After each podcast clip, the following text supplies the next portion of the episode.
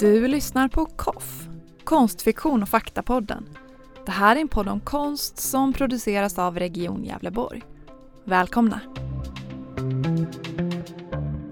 Ja, nu sitter jag, Elinor Ahlstrand, och ringer upp konstnären Peter Köhler för att eh, vi ska prata om ett performance som Peter gjorde på Gävle sjukhus tidigare under hösten. Hej Peter och välkommen! Ja, hejsan! Roligt att vara här. Ja, eh, och det var alltså i början av november som du var på plats i Kulverterna i Gävle sjukhus och arbetade Ja. med en vägggestaltning under en hel dag. Just det, precis. Eh, och jag tänkte vi skulle prata lite mer om det senare, men vi, vi kan börja med att du liksom får presentera dig.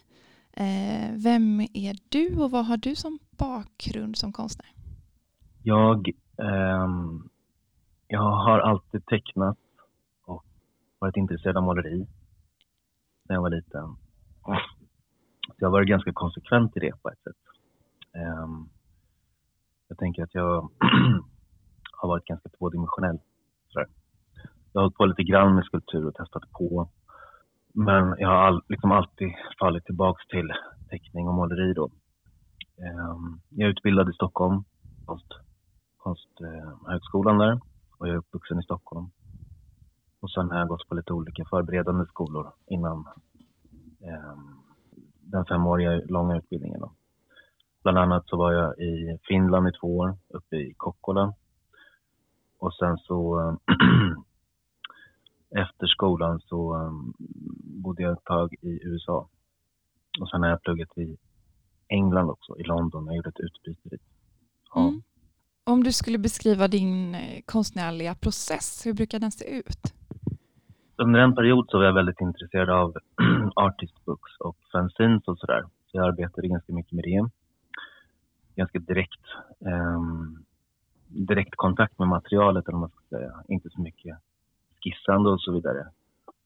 Och på något sätt har väl det hängt kvar. Jag, jag ehm, har insett ganska, ja, för ganska länge sedan att en drivkraft som jag tycker är rolig med att skapa bilder överhuvudtaget, det är just att man inte har full kontroll hela tiden. Att man inte liksom vet exakt hur det kommer bli. Även om man har någon slags grundskelett som man utgår ifrån idémässigt och sådär så, så blir man ändå överraskad på vägen. Eller jag blir det. Ehm, och det, det tycker jag är roligt. Så att jag brukar undvika att skissa mycket och så. Utan jag försöker improvisera. Ehm, Men sen ibland så blir det ju att man måste skippa lite grann. Så. Till exempel nu här i på sjukhuset så gjorde jag det lite grann. Mm. Vill du beskriva den processen? Den dagen du var på Den sjukhuset? dagen. Ehm, det blev ju lite speciellt i och med att det är en ganska det blev en ganska intensiv dag. Eh, tidsramen var ju inte stor, liksom, eller vad man ska säga. Så att jag, jag kände väl från början att jag kan inte riktigt komma dit och eh, ta mycket tid på att komma på vad jag ska göra utan jag måste starta direkt för att överhuvudtaget hinna. Eh, Så jag hade tänkt lite grann på um, tema och sådär. Och då hade jag från början tänkt att jag skulle jobba med någonting som jag hade någon slags arbetstitel kring som var underjord. Och som jag tänkte att jag vill arbeta med någon slags um, lite sago, sagokänsla. Och sen kom jag in på um, rötter och så, ja, saker som, som sker under marken lite grann. Är det för att knyta an till kulvertarna som är Jag tror det. Det var lite så jag gled in på det faktiskt. Men sen från, från det så tänkte jag lite mer på, um, på plantor och eh, växter. För jag har arbetat ganska mycket med det under många år. Och jag tyckte det var ganska bra att ta in medicinalväxter. Det är också någonting jag arbetat med tidigare en hel del. Men just i den här miljön då, i och med att det är ett sjukhus, så tänkte jag att det var lite roligt. För det är ju någonstans där som ursprunget ligger liksom. Med mediciner och så. Så motiven växte fram ganska associativt? Ja, det gjorde de. Ehm, jag hade ju valt ut några plantor innan. Ehm, så tänkte jag att jag, jag får se vad jag hinner med helt enkelt. Och sen hade jag, jag hade gjort ganska, ska jag säga, eh, ganska enkla skisser. Och sen så tänkte jag att jag under processens gång ser vad som sker. Så att det, det växte ju fram saker som jag inte hade planerat. Ansikten på, på vissa delar och sådär. Saker ofta får någon slags, det tenderar att bli, eh, vad ska jag säga, figurativt på ett sätt där man kanske, eh, saker får liksom armar och ben och sådär. Det blir, man får, de blir lite så här, förmänskligade. Även fast det då är växter till exempel. Just det. Jag upplever att du liksom lämnar lite spår i de här alltså små äh, gåtor eller liksom lite gåtfulla detaljer i de här bilderna. Är det exempel på sådana, sånt som kommer spontant? Ja, det kanske det kan vara. Jag vet inte exakt du såg. Men äh, det kan det säkert vara. Jag, jag hade en titel på, på det här projektet då som är ja, för mig själv först, men också för att, ja, om någon frågar, som var Dwellers Therein. Och då tänker jag att de här växterna, det är någonting jag gestaltar på väggarna.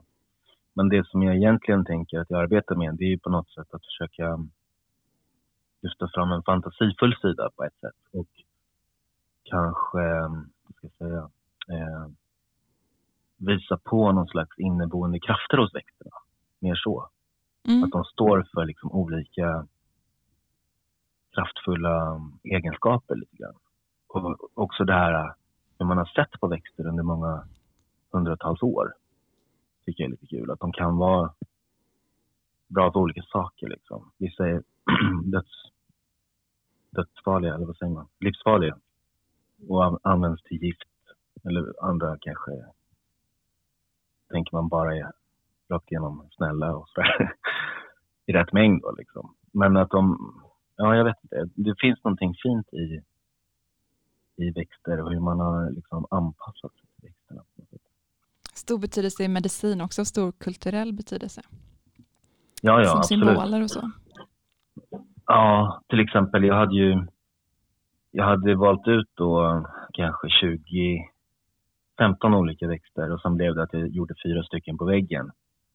Varav en då den här hästhov som, vi, som man oftast kallar tussilago. Mm. Det latinska namnet.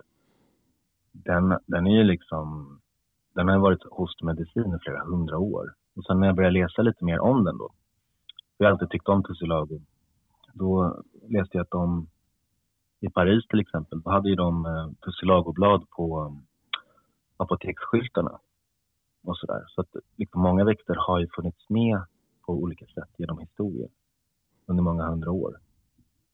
Just det.